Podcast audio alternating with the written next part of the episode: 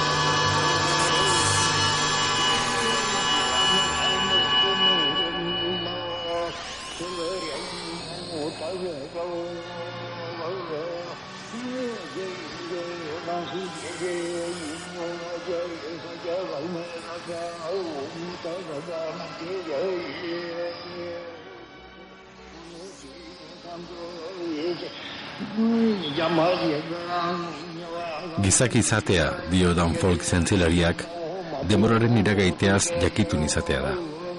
Horixe da gure kontzentzaren oinarriari gehien hurbiltzen zaien kontzeptua. Gaitasun hori gabe, ez ginateke proiektuak, etxeak, irudiak egiteko gai izango. Etorkizunaren aurreikuspeni gabe, zibilizazioa ez litzateke existituko. Cada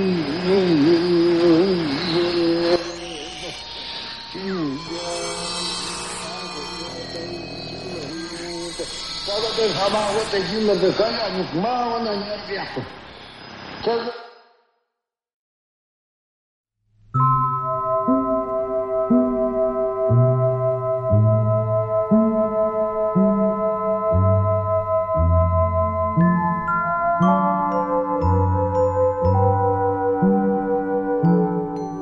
Etorkizunak gu bezain imperfektuak dira.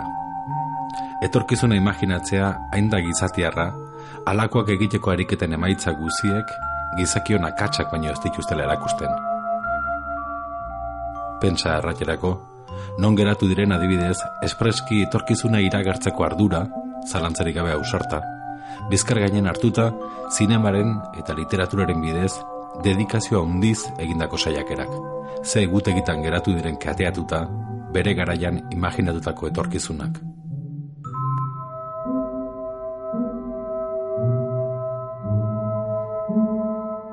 Orwell, jakina da, mila bederatzerun talaro eta laun geratu zen. Kubricken espazioko odisea, bi mila eta bat gogoan garri hartan. Ridley Scottek, Blade Runner, bi mila eta emeretzirako iragarri zuen. Eta batzutan zalantza egiteko adineko berriak jasotzen baditugu ere, erreplikanteen artean biziote garen arrastorik ez dugu oraindik. Izan ziren, tartean ere, iragarpen arriskutsuegiak egiten asteak dakarren arriskoaz jakitun, zuhurrago jokatu zutenak. Matrixek trukkotxo berezi bat egin zuen, mila bederatzeron talarogeita meretzi, estren urtea, eta bi mila eun talarogeita meretzi urteak naziz. Chris Markerrek, etzion irugarren mundu gerrari adinek jarri elazeten. Geroago terre gileamek filmeren remakean egin zuen bezala.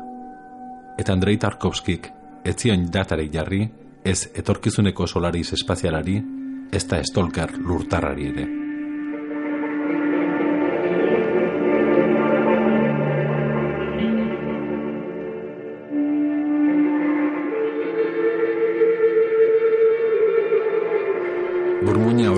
Organo prospektiboa da. Lehen aldiko eta orain aldiko informazioa jaso, eta etorkizunari buruzko horreikuspenak egiteko diseinatuta dago. Memoria beraz, burmuin prospektiboak etorkizuneko gertakari posiblen simulazioak sortzeko tresna da. Pentsatu egin dugu, memoriak soilik lehen aldirekin duela zer ikusia. Baina maizegi azten dugu, etorkizun asmatzeko duen gaitasuna erabiltzea dela haren helburua.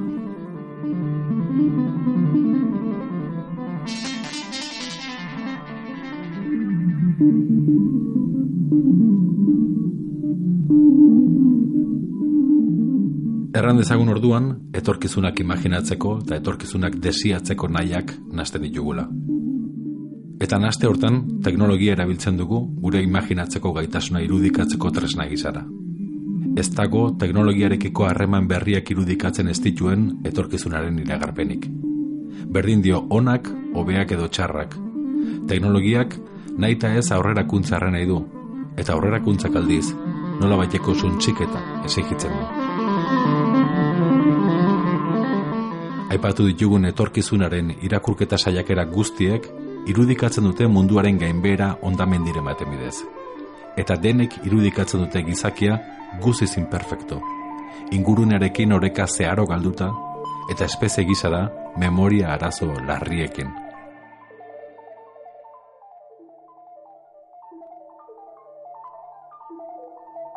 Nola libera gaitezke espazioaren munduan oraindik boterari atxikituta dagoen lehenaldiko jendeak domina ez gaitzan?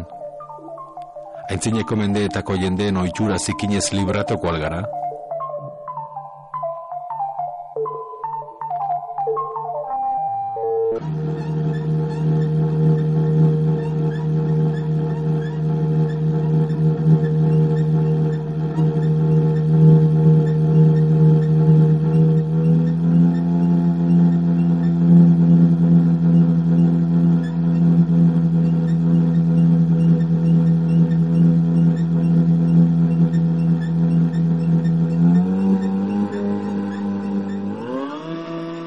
Mende hasieran, bereziki Italiako naiz Errusiakoen bat artistek, etengabe egin eta desegin ziren mugimendu futurista desberdinak antolatu zituzten.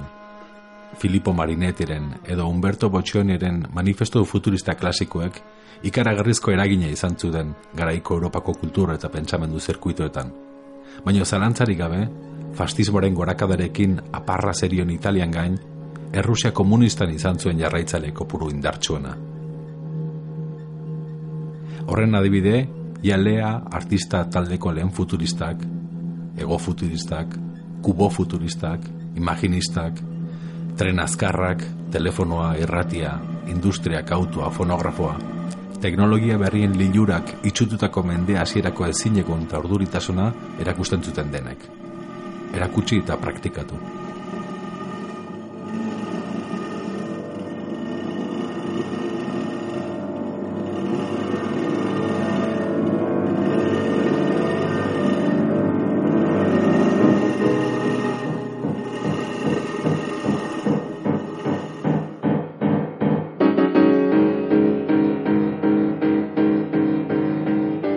Velimir Hlevnikov jaleako kide izan zen, Kamenski edo Majakovskirekin batera.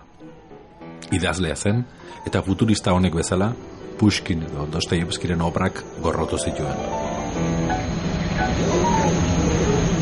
Zarrak, gizaidiaren aurrerakuntza ustopatu baino ez egiten, baina gure lokomotorak eta aren ziztuak arrastak aramango betu denok.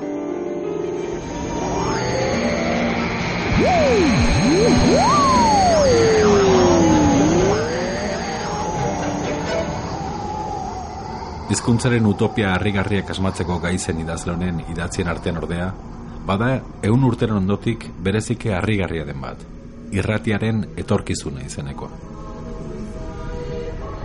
Hrefnikov, hogeta masei urterekin hiltzen gazte, eta bere bizitzaren azken urteetan idatzitako testu labur eta poetiko honetan, izenburuak argideon bezala, etorkizuneko irratia asmatzeko saiak eragin zuen.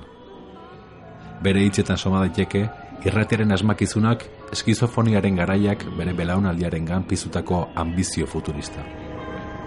Berak ordea, Tarkovskik bezala, etzion datari jarri bere etorkizunari, eta asmatu zuen.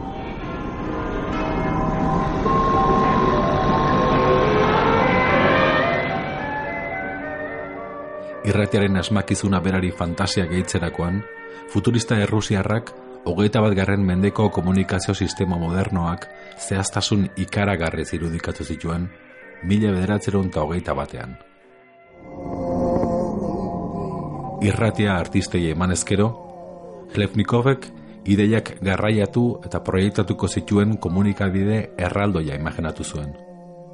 Irrati liburuak, irakurtzeko irrati hormak, irrati auditorioak, irrati arte erakusketak, irrati pantailak, irrati klubak, naturako gertakari niminona eta hiri handietako aktivitate biziena ikusi eta entzuteko balioko zuten gailuak sortuko zituen etorkizuneko irratiak.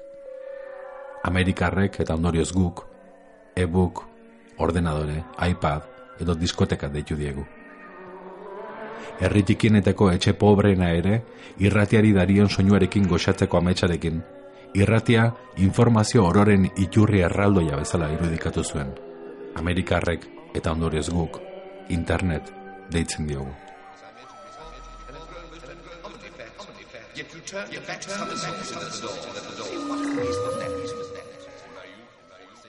Baina, artista bate fantasiazko irudikapen jario iradokitzaile soil izatetik urrun, Hlepnikovek teknologia hauen arriskuak erazadu zituen.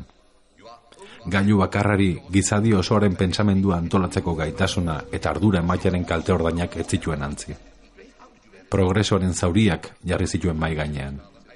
Berak errantzuen, irratia itzaleko balitz, arriskua larria da. Herrialde osoak sufrituko du itzalaldi mentala, behin-beineko kontzientzia galera.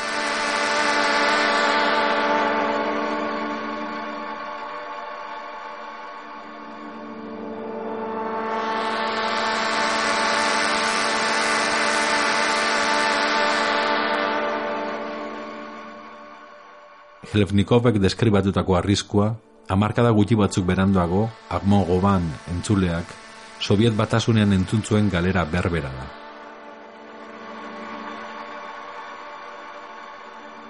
Stalinek ezarritako erregimen zorrotzak egindako erratiaren erabilera masibo eta gehiagizkoaren ondorioz, Sovietarrei eragintzien alineazioaren testigu izan zen goban. Hlevnikovek aurre ikusitako arriskuak azalean zaititu zituen. Emisio guztietako hitzek zentzuro galdu eta behin betirako propaganda desumanizatzaile izatera kondenatu zituen itzalaldia deskribatu zuen gobanek bere egonaldian. Etzen behar bada errusiarrak imaginatu zuen itzalaldi isila, omnipresentzia itogarri batek eragindako isiltasun erraldoia baizik. Amerikarrek eta ondorioz guk sare sozialak deitzen dugu.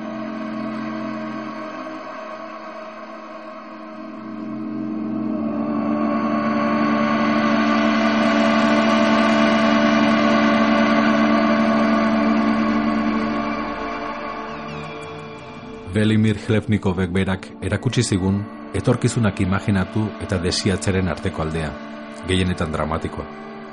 Gizati arrabata desumanizatzaile bertzea. Berak irudikatu zuen munduak ekarrega jo onaino.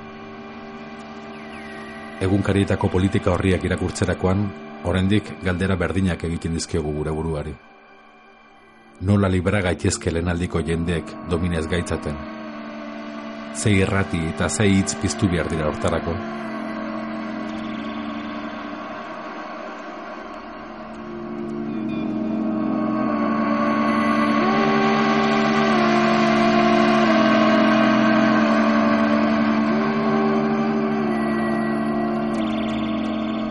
Sorginkeriak, hitz magikoak, paganon hizkuntza sakaratuak, xagadan, magadan, digadan bezalako hitzak, arrazoiari ez egiten dioten sila bakateak oinoztira.